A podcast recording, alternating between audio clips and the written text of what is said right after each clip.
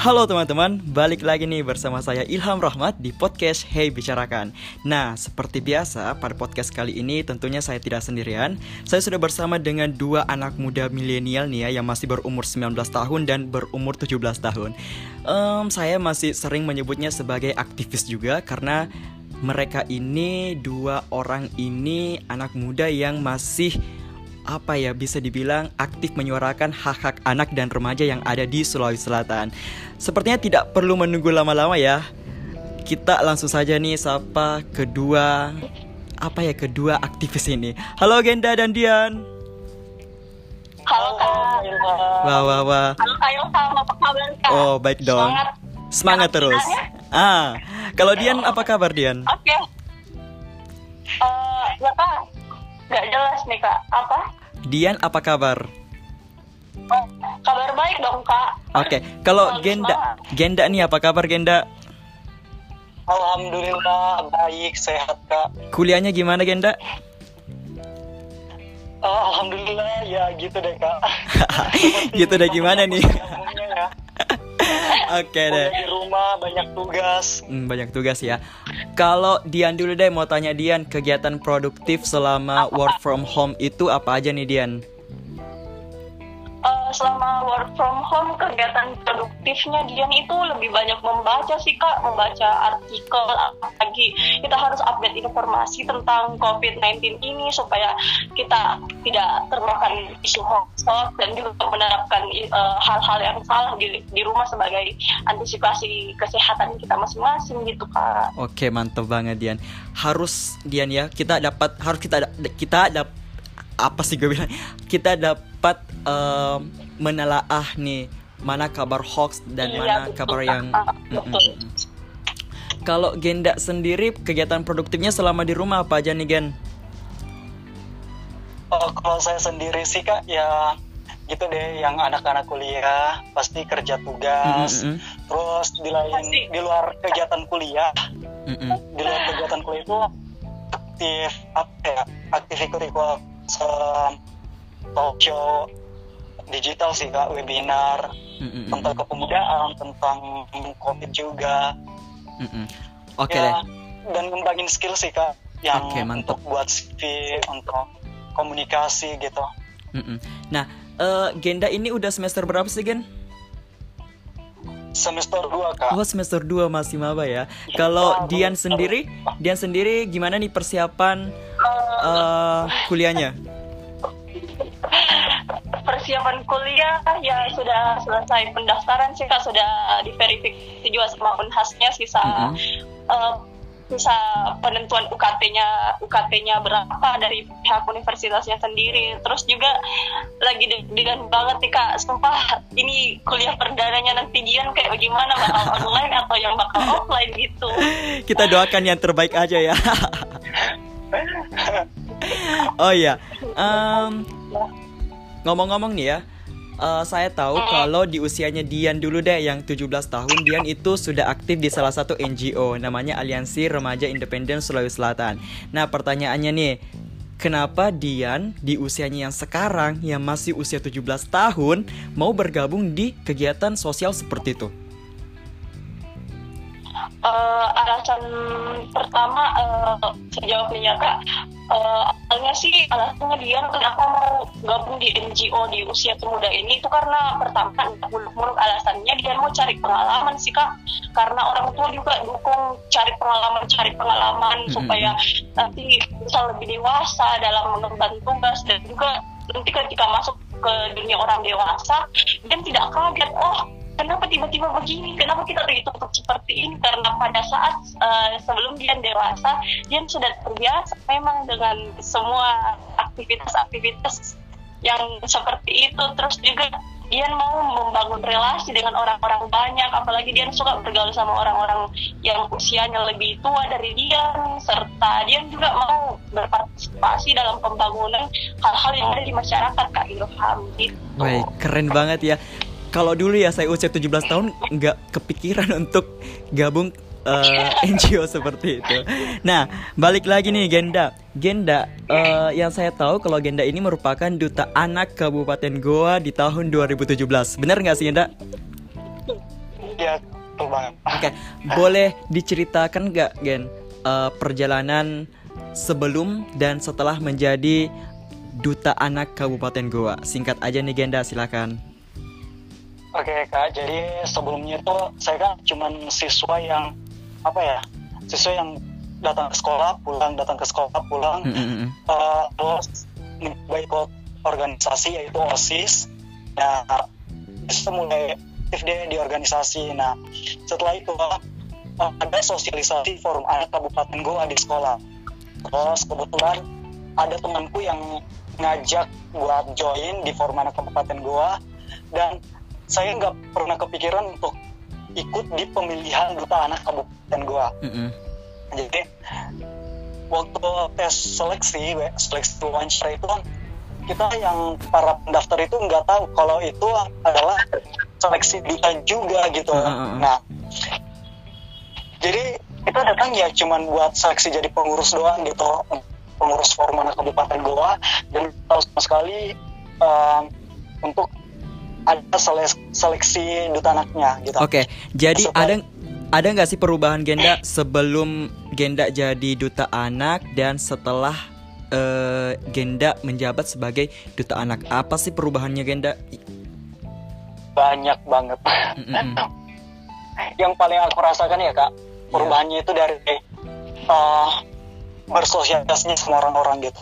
Oke deh. Enda ya, Enda ya awalnya bersosialisasi ya gitu aja yang biasa-biasa aja gitu sih.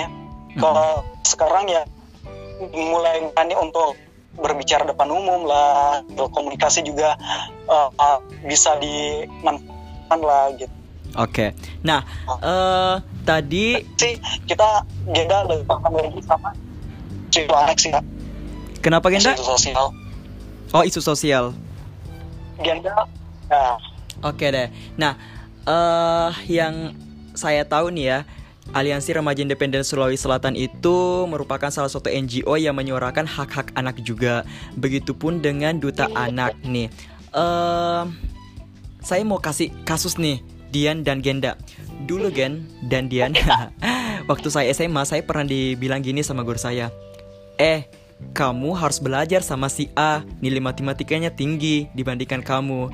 Nah, saya bilang dong dalam hati lah, kok kecerdasan diukur dengan nilai matematika ya? Kok kecerdasan hanya diukur dari perhitungan seperti itu? Dan menurut saya itu nggak benar. Why? Karena kan menurut saya eh, setiap orang punya kelebihannya masing-masing. Pun kalau misalkan saya ingin jadi musisi, ya nggak jadi masalah ya kan, begitu kan. Dian sama Genda pernah nggak sih mengalami hal seperti itu dan pendapatnya gimana nih? Dimulai dari Genda dulu deh. Kalau aku ya kak, uh, kalau aku lebih kepada adikku sih, adikku yang dapat hal yang seperti itu yang sampai-sampai adikku itu dikeluarin dari sekolahnya. Ini Astaga. bayangin loh kak. Iya, Wow. umurnya itu dia baru kelas 2 SD. Ah, ah. Yang yang notabene anak kan ya ini masih menyesuaikan sama lingkungan sekolah gitu. Ah, ah. dia dia tuh kan kalau saya akui kalau adik saya itu untuk masuknya pelajaran itu sangat susah. Mm-mm. dan saya yakin dia kan di situ bidangnya gitu. Bukan di situ bidangnya. Jadi dia di sekolahnya itu sekolah pertamanya itu dia dikeluarin. Hanya Jadi karena kemarin- nilai pelajaran. hanya karena iya hanya karena sampai-sampai gurunya itu bilang loh kak. Sampai-sampai gurunya bilang "Eh, masukin aja di SLB padahal adik saya bukan berkebutuhan khusus. Astaga. yang gimana gimana. Perasaan perasaan kita keluarga ya kok gini amat ya gurunya yang sampai-sampai anak anak-anak anak seumur dia di ya gitulah dia kak Ah, ah, ah. yang akhirnya paham. kita kita ngasih pindah minta surat pindah dia sama dari pihak sekolahnya untuk dipindahkan ke sekolah yang lain. Ya, oh, bener. Wah parah ya Genda ya. Kalau Dian sendiri gimana Dian menanggapi hal itu? Eh, kalau dari si sendiri sih kak mendengar pengalamannya kak Genda dari adiknya sendiri dia ngerasa bahwa s- uh, stigma orang-orang terhadap kecerdasan berdasarkan nilai MTK-nya tuh udah kayak parah bener yang kayak sampai dikasih keluar dari sekolahnya.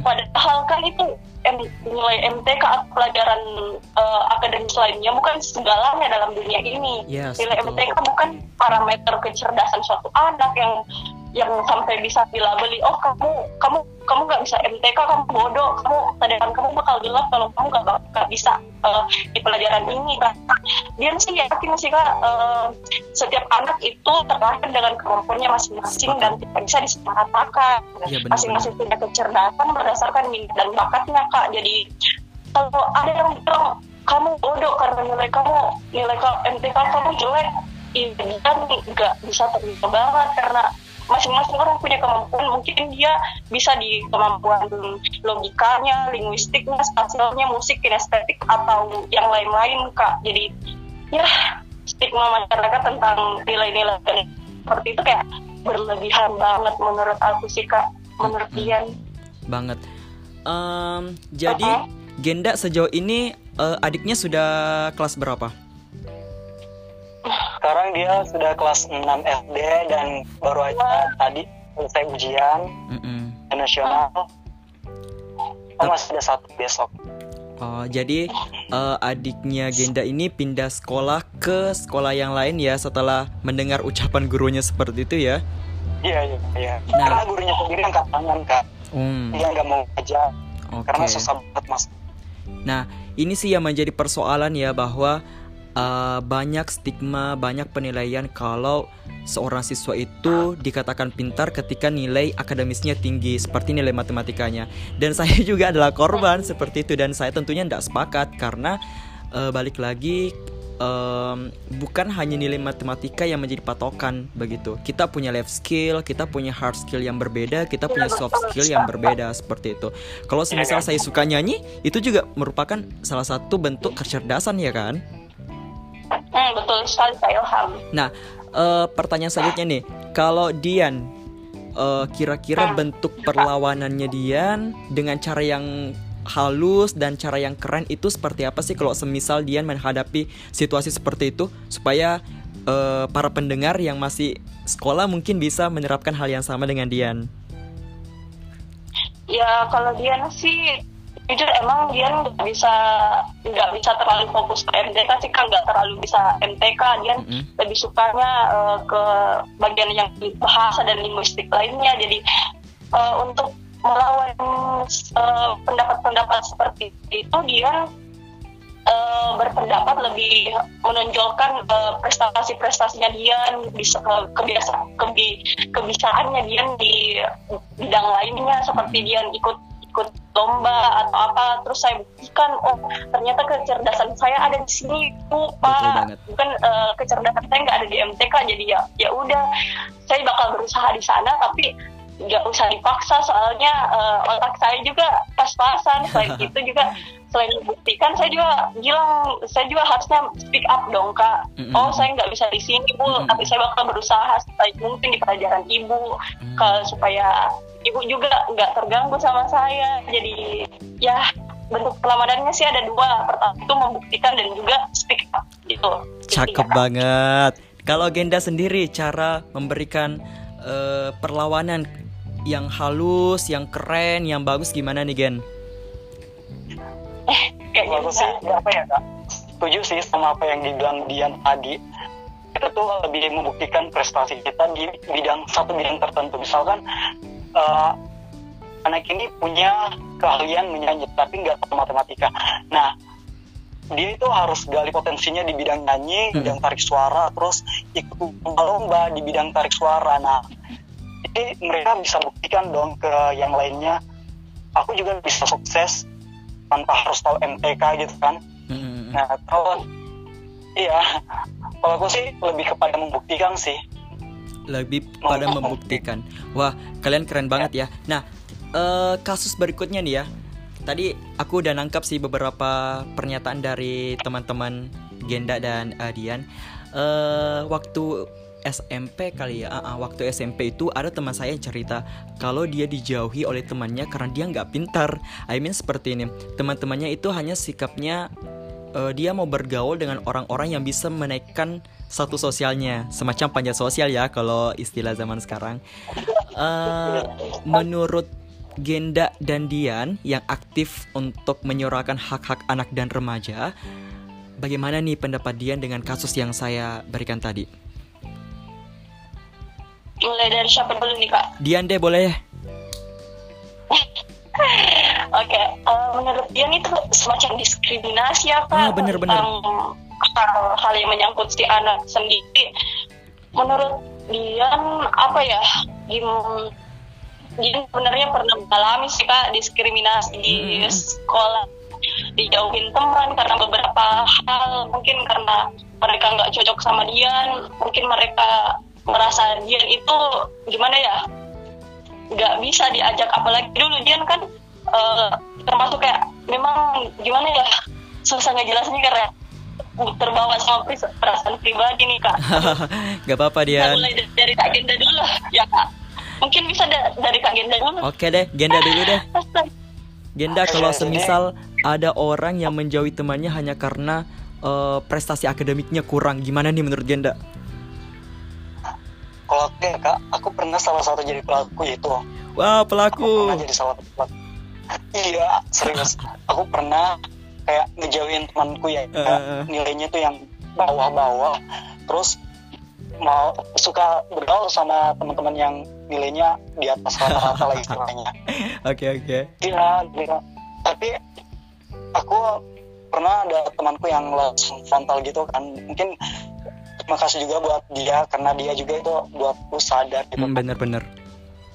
Eh, dia tuh frontal bilang apa ya?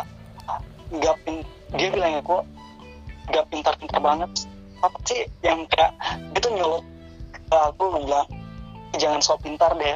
Tuh pintar gara-gara iya dibilang begitu kalau lo sendiri yang kerja pasti nggak bakal lo dapat segini. Apa Jadi apa apa sisi positif yang Genda dapatin? Di situ saya berpikir sih mungkin kita lebih bisa menghargai mereka sih. Kita nggak boleh membe- membeda-bedakan antara satu dengan yang lainnya. Jadi mulai dari itu kalau ada yang gender punya kalian atau tugas gender selesai pasti bagi sama teman-teman yang lain. Di situ sih mulai sadar aja sih kak. Mm-mm. sadar diri Oke, bagus sih Genda daripada Genda jadi pelaku tapi nggak sadar-sadar sampai sekarang. Tapi kan Genda sekarang udah sadar ya kalau perbuatan seperti itu Iya, adalah iya. perbuatan yang nggak cocok nih untuk diaplikasikan di kehidupan ya kan Genda ya. iya kak Nah, jadi eh, Genda bisa menyuarakan juga nih kalau sebenarnya hal seperti itu adalah hal yang nggak keren sebagai Iya. anak muda milenial ya kan. Oke deh. Tadi betul, betul. tadi Dian juga bilang nih kalau dia pernah jadi korban diskriminasi. Yang saya tahu juga Dian adalah eh, dia bisa melawan begitu dengan cara speak up. Ya kan Dian ya? Ya betul sekali kak. Oke deh. Em, ngobrol apa lagi ya? Eh, Oh iya. Eh, tadi kan dia nggak sempat menjawab kak. oh ya boleh bener bener bener. Ah, dan Silakan Dian. Iya bisa. jadi jadi eh, dulu kan ini berdasarkan pengalamannya kak. Uh-uh. Eh, jadi dulu dari SD sampai SMP pernah nemu nemu kayak gitu kak diskriminasi kepada orang-orang yang kemampuan akademisnya kurang. Mm-mm. Bahkan guru sendiri yang diskriminasi. Wow, Dulu parah parah. dulu saya ingat dulu saya ingat Dian pas SD kita itu kayak kekanak-kanakan dan bikin kelompok-kelompok sendiri. Oh ini kelompoknya si pintar ini kelompoknya yang biasa aja ini kelompoknya yang bodoh banget lah istilahnya istilah eh, istilah eh, teman-teman saya dan juga saya pada zaman dahulu. Karena ya saya termasuk orang-orang yang mau menjauhi mereka tapi karena eh, dalam satu kelas itu kayak ada yang megang gitu loh kak jadi dia ngerintain kita oh kita nggak usah temenan deh sama yang si bodoh itu nggak ada untungnya sama kita sekali. Jadi ya aku ikut ikutan sih kak.